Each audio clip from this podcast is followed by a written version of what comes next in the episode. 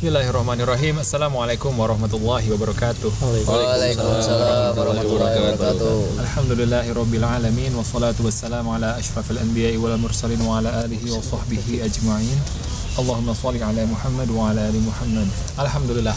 Teman-teman Vitamins, kali ini podcast Vitamins, Vitamin Podcast kembali digulirkan dan kembali direkam untuk sekian lama kemarin kita udah sempat vakum juga karena satu dan lain hal maka saya Satria Maulana mewakili teman-teman vitamins yang lain mengucapkan taqabbalallahu minna wa minkum siyamana wa siyamakum mohon maaf lahir batin semoga amal ibadah yang kita perjuangkan dan ikhtiarkan selama satu bulan kemarin Allah terima.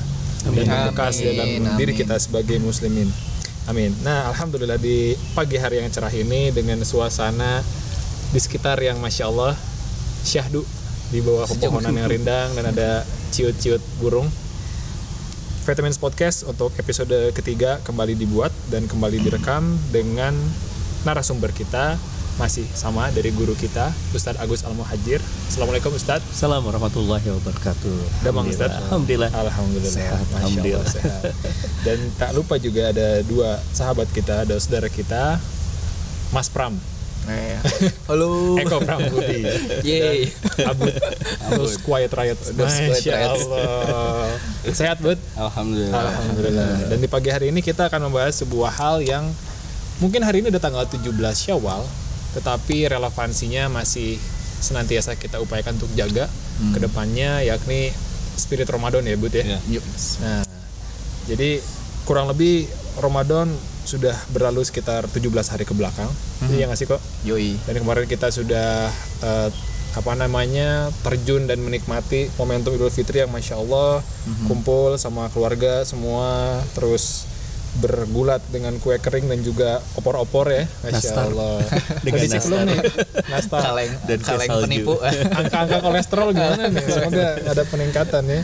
Dan pada akhirnya kita berusaha untuk meneruskan hal-hal baik yang sudah kita upayakan, kita Insya jaga Allah. selama bulan Insya Allah. Ramadan Insya Allah. seterusnya ya Yeps. yang kita harapkan bakal terus terjaga sampai dengan Ramadan seterusnya. Hmm. Nah ini Ustad untuk Ramadan sendiri Ustad, Ramadan tuh sebenarnya apa sih yang semestinya tertinggal Tertinggal. dalam diri setiap Muslim setelah ia berlalu Ustad?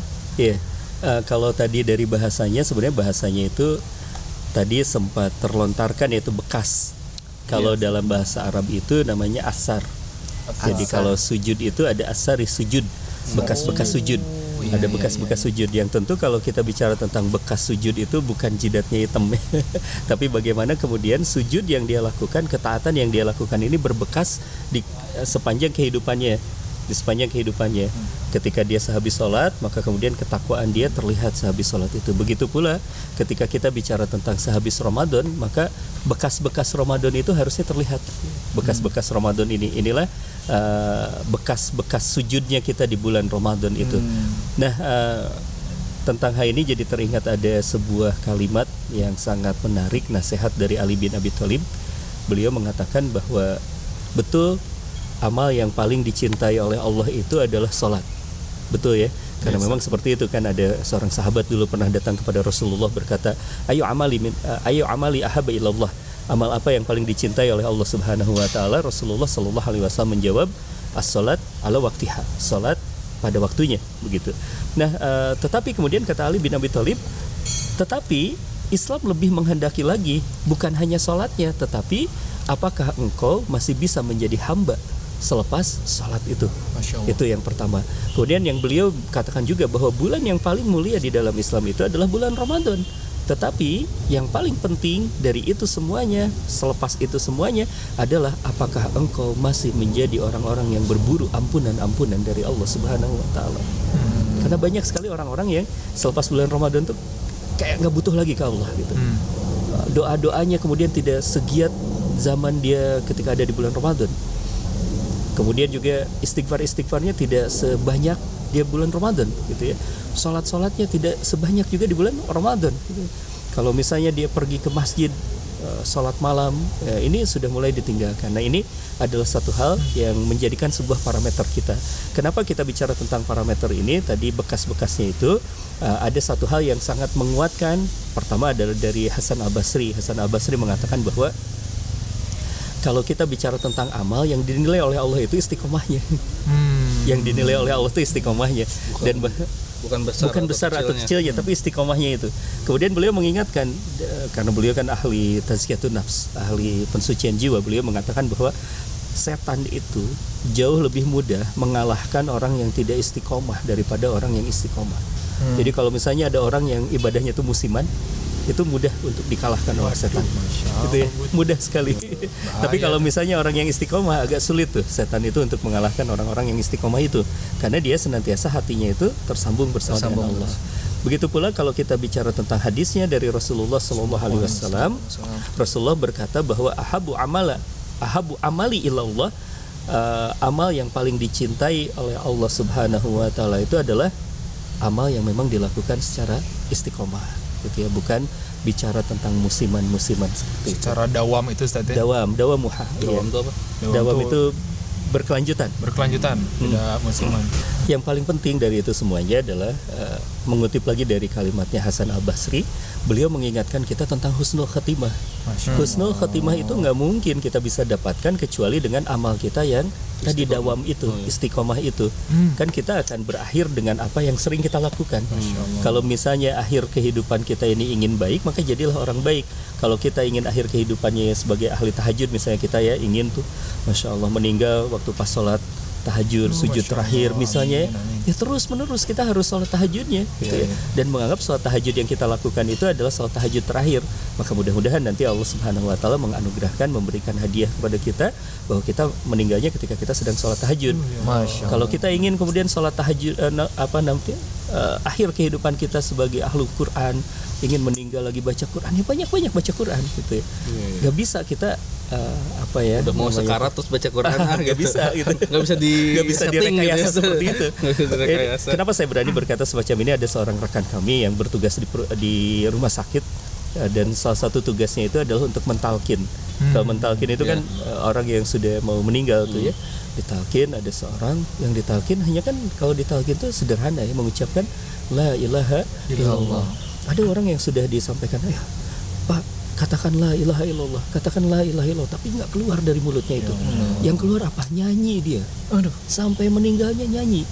Padahal ucapan la ilaha illallah dengan nyanyian pasti lebih sulit nyanyi.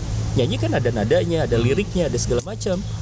La ilaha illallah tidak ada nada, tidak ada liriknya juga cuma itu. Ya teksnya cuma itu. Bahkan tidak sambil membuka mulut juga Bisa. La ilaha illallah. Bisa Mampu. gitu ya. Iya, itu kalimat yang sangat mudah secara Teknis secara gitu ya. teknis ya, secara teknis. Tapi kenapa bisa seperti itu? Pas akhirnya ditanyakan kepada istrinya, kenapa ini si bapak bisa seperti ini? Istrinya berkata, iya Ustaz, karena setiap hari yang sering dia lakukan nyanyi, waktu li- waktu luangnya nyanyi, ke kantor di perjalanan nyanyi, hiburannya karaokean, maka dan akhir kehidupannya seperti itu.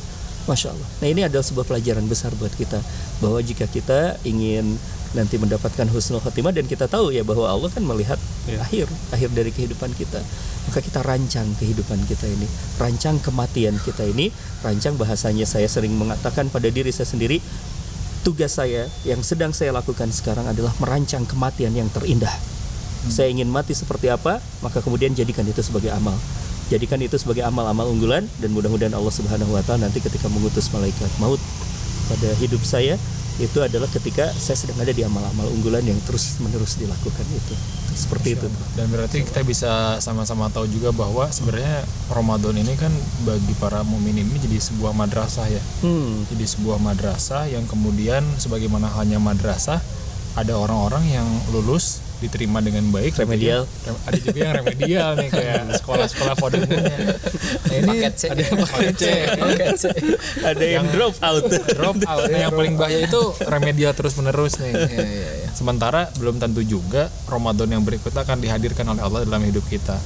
Nah ini Ustaz kalau kita mengibaratkan Ramadan sebagai sebuah madrasah maka apa nih Ustaz tanda-tanda kita ini lulus dengan baik Ustaz dari Ramadan Ustaz? Tanda tanda bahwa Ramadan kita diterima. diterima gitu ya. gitu buat Diterima, dia. Nah, gitu ya. betul betul Ustaz. Mudahnya beginilah, kita ibaratkan ke raport kan ya.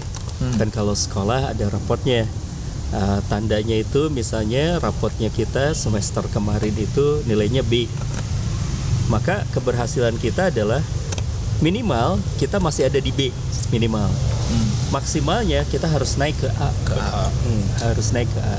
Sehingga uh, ini yang sering saya sampaikan di awal sebelum Ramadan, kita itu sebenarnya yang harus kita lakukan adalah mungkin bukan hanya di awal Ramadan, tapi sepanjang kehidupan kita, kita tuh harus berani mengevaluasi diri kita sendiri, meha- me- melakukan muhasabah untuk menentukan positioning kita di mana. Misalnya ibadah kita, sholat kita tuh di mana sih? Itu ya, sholat malam kita di mana, baca Quran kita di mana, segala macam segala macam itu petakan tuh sehingga kita punya target akhirnya kita punya target di bulan Ramadan itu mana yang akan kita perkuat dulu atau di bukan hanya di bulan Ramadan nanti di sepanjang kehidupan Sepanjang kita. tahun, Ustaz, ya. sepanjang tahun kita punya proyek perbaikan. Yang perbaikannya tuh terukur. Ini banyak persoalannya di sini. Kita tuh perbaikannya tuh tidak terukur. Soleh itu terlalu general. Kalimat soleh itu Abstrak ya Ustaz. abstrak. Abstrak sekali. Soleh itu harus harus kita breakdown dengan sebuah ukuran-ukuran itu. Masya soleh Allah. misalnya oke baik. Soleh kepada Allah ada ibadah-ibadah mahdoh misalnya eh, sholat malam atau misalnya sedekah itu harus ada ukurannya. Sholat malam dalam sepekan berapa kali? Masya Allah. di bulan kemarin. Maka kemudian sekarang di bulan ini harus seperti apa? Hmm. kemudian eh, nanti kita bicara lagi kual- eh, bukan hanya kuantitatif kualitasnya nanti kualitatifnya kita bicara oke sholat malam. Eh, bulan kemarin itu hanya 15 menit misalnya. Sholat malam yang. Bulan depan kita targetkan 20 menit dan lain sebagainya. Nah ini yang harus kita miliki. Jadi Ini- ada pos-posnya gitu Ya, ya, ada ada tahap-tahapannya Karena kondisinya gitu gini ya, loh, kita karena kan kita juga. ibaratnya di dalam kesibukan sehari-hari baik dalam bentuk karir pekerjaan ataupun bisnis, kita tuh bergulat dengan target pak. Target, iya, itu. Teknis harus mencapai sekian, penjualan sekian, visi sekian dan lain-lain sebagainya. Cuma sayangnya tuh untuk perkara yang Ibadah. berkaitan dengan akhirat, Nah, untuk punya yang target. tadi targetnya nggak ada pak. dan yang menarik adalah kalau kita tidak punya target bisa kita evaluasi ya Nah, itu yang jadi abstrak nggak jadi bisa yang jadi tidak bisa kita evaluasi Ya kayak bisnis aja kan maksudnya ibaratnya saya pengen bisnis berkembang. Targetnya apa? Penjualan naik, selnya harus sekian gitu asetnya kan. harus jadi sekian yang Endorsement, kemudian endorsement Gitu, gitu, gitu. dengan ketercapaian poin-poin itu semua kan kita bisa menyebut bahwa iya bisnis saya berkembang Berhasil. karir saya berkembang karena sudah mencapai A B C D E F G itu buat perkara dunia Perkara dunia. nah berarti kan kita harus mulai terbiasa untuk memetakan perencanaan akhirat kita dalam bentuk rencana-rencana amal ya nggak sih kalau dunia saja serius har- harusnya akhirat lebih serius lagi Dua rius. yang suka belum bisa menyikapi Iya, hal iya. tersebut gitu Mungkin ya. itu jadi salah satu pertanda bahwa jangan-jangan selama ini kita belum menganggap perkara akhirat tuh lebih penting dari Iya. dunia. Itu kan aduh. padahal sejatinya seperti itu Iya. Cuman mungkin nggak sih Sat, kayak sempet sih ada ngerasa kayak misalnya terki- eh, ketika semuanya terpenuhi nih amal-amal terus kayak mendadak entah goda pasti godaan setan ya terus kayak ah ini sudah cukup nih segini kayak merasa cukup gitu gitu Hmm, Iya. Eh, kalau kita ya insya Allah kalau saya sangat sangat meyakini bahwa kalau kita sibuk di gelombang amal nanti kita akan sampai kepada sebuah titik bahkan merasa tidak pernah cukup. Hmm, Jadi amal ya. itu akan semakin banyak sekali kita temukan. Ternyata ini amal ini belum, amal ini belum, amal ini belum, amal ini belum, amal ini belum. iya, Akan semakin banyak. Dan eh, kalaupun kita bicara tentang eh, tadi kuantitatifnya ya, ternyata sudah nih sudah sudah sudah sudah sudah kita bicara tentang kualitasnya kan. Tingkatkan lagi kualitasnya, tingkatkan lagi kualitas misal ketika kita bicara tentang target membaca Al-Qur'an di bulan Ramadan kemarin alhamdulillah satu juz satu hari misalnya. Eh, itu memang akan merasa cukup. Tetapi ketika kita berkata bahwa Al-Quran ini adalah huda linas wa bayyanahu minal huda wal furqan. Ini adalah Al-Quran ini petunjuk bagi kehidupan manusia. Oh kalau seperti itu berarti eh, selain membaca satu juz satu hari saya harus memahami tentang Al-Quran itu. Oh, Ah, kemudian berikutnya beranjak oke baca terjemah. Tapi kemudian ketika membaca terjemah itu kita pun akan menemukan ya kita pun akan menemukan bahwa baca terjemah pun tidak cukup. Lalu akhirnya kita bicara tentang harus mempelajari tafsir. Belajar tafsir terbukalah sebuah betul. sebuah cakrawala ilmu yang begitu sangat luas belajar Masya tafsir itu. Kemudian belajar tafsir baru terjemahannya tafsir. Mulai tidak puas oh, harus belajar bahasa Arab. Belajar bahasa Arab semakin luas lagi. Belajar bahasa Arab kita akan menemukan kitab-kitab para ulama yang klasik yang kemudian segala macam. Nah, ini adalah satu hal yang merupakan pintu pintu masuk dan mudah-mudahan eh, kalau saya meyakini bahwa ilmu Islam ini atau amal ya yang diiringi oleh ilmu ini ini adalah sebuah seperti samudra. Jadi ketika kita nyemplung ya tenggelam ya mulai berenang di samudra itu kita akan menemukan ternyata semakin luas yang harus kita pelajari. Gitu ya. Eh, ada seorang ulama asal Mesir yang mengatakan bahwa saya mempelajari Al-Quran selama 60 tahun. Beliau usianya waktu itu 70 tahun eh, 70 tahunan. 60 tahun saya mempelajari Al-Quran kata dia. Saya baru bisa memahami Al-Quran di usia belajar saya 40 tahun. Yang se- yang berikutnya adalah eh, saya menemukan kembali ketidakpahaman kembali maksudnya itu adalah samudra ilmunya terbuka kembali Hmm. ini satu Semakin hal. belajar semakin semakin belajar luas lagi gitu. semakin luas lagi Dan semakin belajar, semakin sadar bahwa kita tuh makin tidak tahu Kecil, apa-apa. ya, gitu. makin kecil Makin kita tuh. kecil. tabiatnya ilmu seperti itu katanya ya kalau belajar ilmu satu jengkal kita akan merasa tahu segalanya kalau belajar satu depa mulai tahu kita ada yang tidak kita tahu mulai sahasta mulai tidak tahu apa-apa nanti Masya Allah. Dan jadi Gitu semakin tawadu mestinya saat Iya. itu. ya seharusnya seperti Semakin itu berhati-hati juga ya gitu. Nah, Ter- tergantung niat tergantung niat. tergantung niat Masya kalau niatnya benar akan semakin tawadu Terkait dengan ini nih Ustaz, tempoh hari kan kita udah sempat ngobrol eh, antara Ramadan dan produktivitas. Iya. Sebenarnya kalau kita kembali masuk ke realita setelah kita eh, insya Allah optimal berjibaku dalam amalan untuk memperbaiki diri selama bulan Ramadan, nilai-nilai apa sih Sat yang bisa kita aplikasikan dalam kehidupan profesi kita masing-masing gitu Sat selepas Iya. Ramadan? Idealnya seorang muslim itu jadi lebih bagaimana selepas Hmm. Ramadan terhadap profesinya? Betul. Yang pertama tentu adalah lebih disiplin. Kenapa lebih disiplin? Buka kita beda satu menit aja kita nggak mau kan iftar ya. Iya benar benar. Coba bayangkan misalnya ketika kita di bulan eh, ketika kita kemarin di bulan Ramadan maghrib misalnya jam 17.47 Iya. kita nungguin tepat 17.47 tuh. Hmm. Kalau telatnya 17.50 nggak mau gitu. 17.50 nggak mau 17.46 pun bahkan kita nggak mau. 17.46 takut batal takut tidak diterima. Nah ini adalah satu hal yang seharusnya berbekas di dalam kehidupan kita Ya, salah satu karakter muslim itu kan harusnya adalah harisun ala waktiha. Bagaimana dia termasuk orang-orang yang sangat memperhatikan waktu. Dan kita tahu bahwa eh, memperhatikan waktu ini adalah awal dari peradaban. Yang memperhatikan waktu ini awal dari bagaimana menjadi muslim yang produktif yang muntijah itu. Yang muntijahnya seorang muslim produktivitasnya seorang muslim itu awalnya dari waktu manajemen waktu. Dan ini eh, seharusnya bukan hanya berhenti di nunggu kolak siap dimakan atau bala-bala siap Ah, kita sih. santap gitu ya. Tetapi kita harus kembangkan dalam kehidupan kita berarti seorang muslim ini adalah orang yang benar-benar uh, menunggu waktu menunggu waktu. Orang yang benar-benar mengatur waktu satu tuh ya. Itu saja sebenarnya kalau kita sudah punya itu masya Allah. Itu ya kalau su- sudah punya itu. Saya ingat satu perkataannya dari Imam Ash-Syafi'i Imam Ash-Syafi'i itu pernah membahas surat Al-Asr Al-Asr itu isinya tentang apa tuh? Waktu. waktu Waktu. Wal asr. waktu. demi waktu. Kata beliau seandainya Al-Quran itu hanya turun surat ini saja Al-Asr saja sudah cukup buat kita. Sudah cukup buat kita. Karena yang namanya produktivitas kita yang namanya kemudian juga cara kita menyikapi hidup itu ada di Al-Asr. Bagaimana kita menyikapi waktu dan menyikapi waktu dalam produktivitas amal produktivitas dakwah kan? Wal asr inna insana lafi khusr illal ladzina wa amilus solihat iman amal kemudian ada watawassaw bil haq watawassaw bil haq tiga itu. Jadi menyikapi waktu dengan iman yang benar dengan amal yang benar dengan amal yang produktif dan kemudian kita pun terlibat di dalam islah perbaikan manusia. itu adalah satu hal yang harusnya kita miliki. Sehingga tidak tidak heran ketika Imam Syafi'i mengatakan kalau saja turunnya Al-Quran ini hanya satu surat ini sudah cukup. Karena ini adalah misi kehidupan kita. Uh, karena begini kata beliau yang kita miliki itu kalau harta tidak semuanya orang punya. Jabatan tidak semuanya punya tapi waktu semuanya punya kita. Hmm. Hmm, ya. Aset Poin kita ini. satu-satunya itu.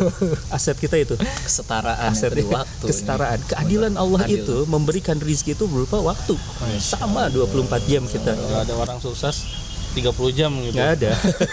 Atau karena duitnya banyak, saya beli jadi 25 jam, tambahan waktu hidup gitu. nggak bisa. Semuanya itu. Jadi itu eh, kedisiplinan yang pertama. Kemudian juga ya yang paling penting lagi adalah kita bicara tentang ya betul sih. Pengenalan diri kita. Saya sering kali yang ini yang kedua ya sering kali merenungkan tentang satu hal. Di akhir-akhir bulan Ramadan kan kita banyak berdoa. Banyak berdoa. Kita tahu ada Lailatul Qadar maka kemudian ada berbagai permintaan-permintaan kita. Coba yang jadi sebuah perhatian kita seharusnya kita tuh berpikir seperti ini. Banyak orang yang membaca doa tapi tidak berdoa apa maksudnya ini? Kalau membaca doa itu cuma seperti ini misalnya Allahumma innaka afuwun karim tuhibbul afwa fa'fu itu berdoa. Hmm. tapi kalau eh membaca doa. Tapi kalau orang yang berdoa itu harus didahului dengan sesuatu. Apa pendahuluannya? Adalah positioningnya dia. Kenapa dia berdoa? Karena dia seorang hamba. Kenapa dia berdoa? Karena dia butuh kepada Allah kenapa dia berdoa? Karena dia tahu bahwa tidak ada yang bisa dia lakukan kecuali dengan bantuannya Allah Subhanahu wa taala. Seharusnya ini yang menjadi sebuah mental mindset kita yang dibawa ke eh, selepas bulan Ramadan itu bahwa mindset kita adalah mindset seorang hamba. Dan sebagai seorang hamba apa tugas kita? Tugas kita hanyalah taat urusan-urusan yang lain kita serahkan kepada Allah Subhanahu wa taala. Nanti insya Allah Allah Subhanahu Wa Taala akan memberikan yang paling baik untuk kita karena kita juga sudah menunaikan haknya Allah. Karena kadang-kadang nih kalau kita bicara tentang doa ya, kadang-kadang kita nuntut hak tuh ke Allah tuh ya. Padahal seharusnya sebagai seorang mukmin yang harus kita lakukan adalah tunaikan kewajibanmu kepada Allah maka insya Allah hakmu akan diberikan oleh Allah Subhanahu Wa Taala nah ini satu hal yang harus kita menjadikan oleh-oleh kita di bulan Ramadan ya, mindset kita tuh. Mindset eh, tadi memanfaatkan waktu lalu kemudian mindset seorang hamba. Sehingga bukan hanya kita bicara tentang bagaimana punya keinginan-keinginan tapi kita harus mikir keinginan Allah harapannya Allah perintah-perintahnya Allah seberapa banyak kita sudah melakukan hal itu gitu jangan-jangan kita termasuk mohon maaf bahasanya tidak sopan kepada Allah. Hmm. tidak sopan kepada Allah kayak gini misalnya. Eh, ilustrasinya seperti ini. Betul kan? Ada eh, satu dalil yang mengatakan ud'uni astajib lakum. Berdoalah kepadaku kata Allah maka aku akan kabulkan. Ilustrasinya seperti ini untuk pemahamannya. Nah, misalnya ya Kang Abud bilang ke eh, Kang Eko bahwa ke Mas Pram bilang bahwa datanglah ke saya lah kalau lagi sulit gitu ya pokoknya saya akan kasih segalanya. Beliau datang ke antum tapi datangnya seperti ini. Bud kan lu bilang ya pokoknya kalau lagi sulit, sulit Datang datang ke, ke, ke lu. Saya saya butuh ini loh uh, butuh mobil butuh rumah butuh sepatu butuh jam butuh perhiasan. Dikasih nggak kalau cara mintanya kayak gitu? Kenapa nggak sopan, banget gitu. Iya, iya. tapi kalau misalnya kita melihat kondisi kita bisa jadi kondisi kita ke Allah tuh kayak gitu ya Allah saya butuh ini saya butuh ini saya butuh ini saya butuh ini bahkan ketika tidak dikasih sama Allah pundung ngambek dan lain sebagainya kita tuh siapa kita tuh kan hamba Hmm. Allah tuh sang pencipta kita. Maka untuk itu jangan salah posisi. Kita ini posisinya sebagai seorang hamba. Maka ketika di luar bulan Ramadan, jadilah seorang hamba Allah yang rendah hati di hadapannya, tawadu di hadapan Allah. Uh, sehingga kalau kita bicara tentang hal ini, ada satu hal juga yang pernah dikatakan oleh seorang uh, salafus solih. Beliau mengatakan apa poin keberhasilannya sebuah doa. Beliau mengatakan saat engkau merasa lebih butuh lagi kepada Allah dan engkau menemukan dirimu adalah orang yang hina di hadapan Allah. Nah ini kalau kita datang kepada Allah seperti itu di sisa bulan uh, sisa usia kita nih, karena kita nggak tahu juga ya. gitu. Selepas bulan Ramadan ini ya masya Allah ini adalah satu hal yang nanti mudah-mudahan Allah akan banyak menolong kita menurunkan pertolongan-pertolongan kita dan insya Allah kita bukan hanya menjadi orang yang produktif tadi ya muntijah tadi karena waktu tuh tapi juga soleh karena produktif kalau tidak soleh rugi Masya Allah. soleh tidak produktif rugi juga rugi juga Walaupun tadi sebenarnya kan tadi Ustaz bilang eh, kalau kita ingin meminta kepada Allah kita juga harus ya terkesan memberi kepada Allah gitu memaksimalkan diri gitu memaksimalkan ya contohnya kayak ibadah dan lain-lain. Tapi sebenarnya segala ibadah sedekah dan lain-lain juga itu sebenarnya buat kita sendiri juga ya. Betul, Bukan betul. berarti kita oh kita ngasih dulu deh kerja dulu deh baru nanti digaji sama Allah gitu. Iya. bukan berarti kayak gitu juga ya, bukan ya? berarti kayak gitu juga. Karena semuanya adalah eh, kembali kepada kita cuma yang di- disampaikan tadi adalah sebuah alur logika berpikir kita. Ya. Alur logika berpikir kita karena eh, kebanyakan di antara kita ini banyak menuntut. Sementara kita lupa terhadap kewajiban gitu ya Nah, sementara kalau kita bicara tentang logikanya sebagai seorang mukmin logikanya sebagai seorang hamba laksanakan yang namanya kewajiban masalah hak nanti insya Allah akan diurus oleh Tuhan kita gitu ya. oleh Allah Subhanahu Wa Taala gitu. Insya Allah. Nah, kalau gitu mungkin ini pamungkas kali Bu deh. Iya. Eh, kok ya.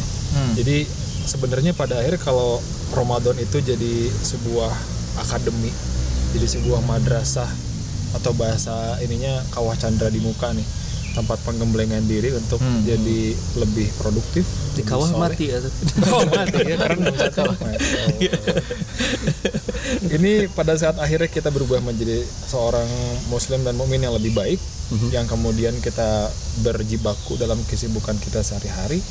Berarti pada akhirnya sebetulnya Ramadan juga jadi sebuah madrasah tempat kita menjadi seorang apa ya seorang muslimin dan mukminin yang lebih produktif dalam profesi masing-masing juga Hmm. jadi kayak kita bisa menginjeksikan nilai-nilai baik yang kita peroleh selama Ramadan, selama akademi Ramadan itu ke dalam pekerjaan kita masing-masing. Iya.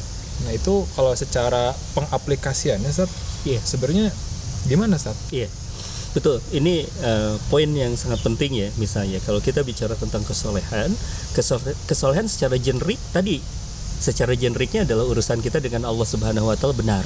Itu adalah secara generiknya, secara umumnya. Tapi kita pun jangan lupakan bahwa hubungan kita ini adalah bukan hanya hablum minallah, tapi hablum minanas. Hubungan kita bukan hanya kepada Allah, tapi juga urusan kita kepada manusia.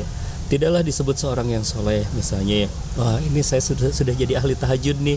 Akhirnya dia datanglah ke kantornya dia jam 9 masih ngantuk. Pas ditanya sama atasannya, kenapa? Oh ya, "Wah, ini ini nanya-nanya kayaknya dia nggak pernah tahajud nih. Kelihatannya beritikaf. ya. dia nggak pernah tahajud, dia nggak ngerti nih bahwa yang tahajud itu kayak gini. Berarti dia tidak soleh, belum soleh, belum belum menemukan, belum mengaplikasikan kesolehannya di dalam kehidupan di dunia kerjanya itu. Jadi bagaimana kesolehannya itu kalau misalnya dia bicara tentang dia pandai untuk mengatur waktu malamnya, maka dia pun harus pandai untuk mengatur waktu siangnya. Itu yang harus dilakukan. Misalnya kalau seperti itu ya. Kemudian juga kalau kita bicara tentang tadi kehati-hatian kita di dalam prinsip takwa kan takwa itu hati-hati. Maka ketika kita menjadi seorang pebisnis misalnya kita menjadi hati-hati. Jangan sampai ada transaksi-transaksi kita yang mengundang ketidaksukaan Allah, ketidakberkahan.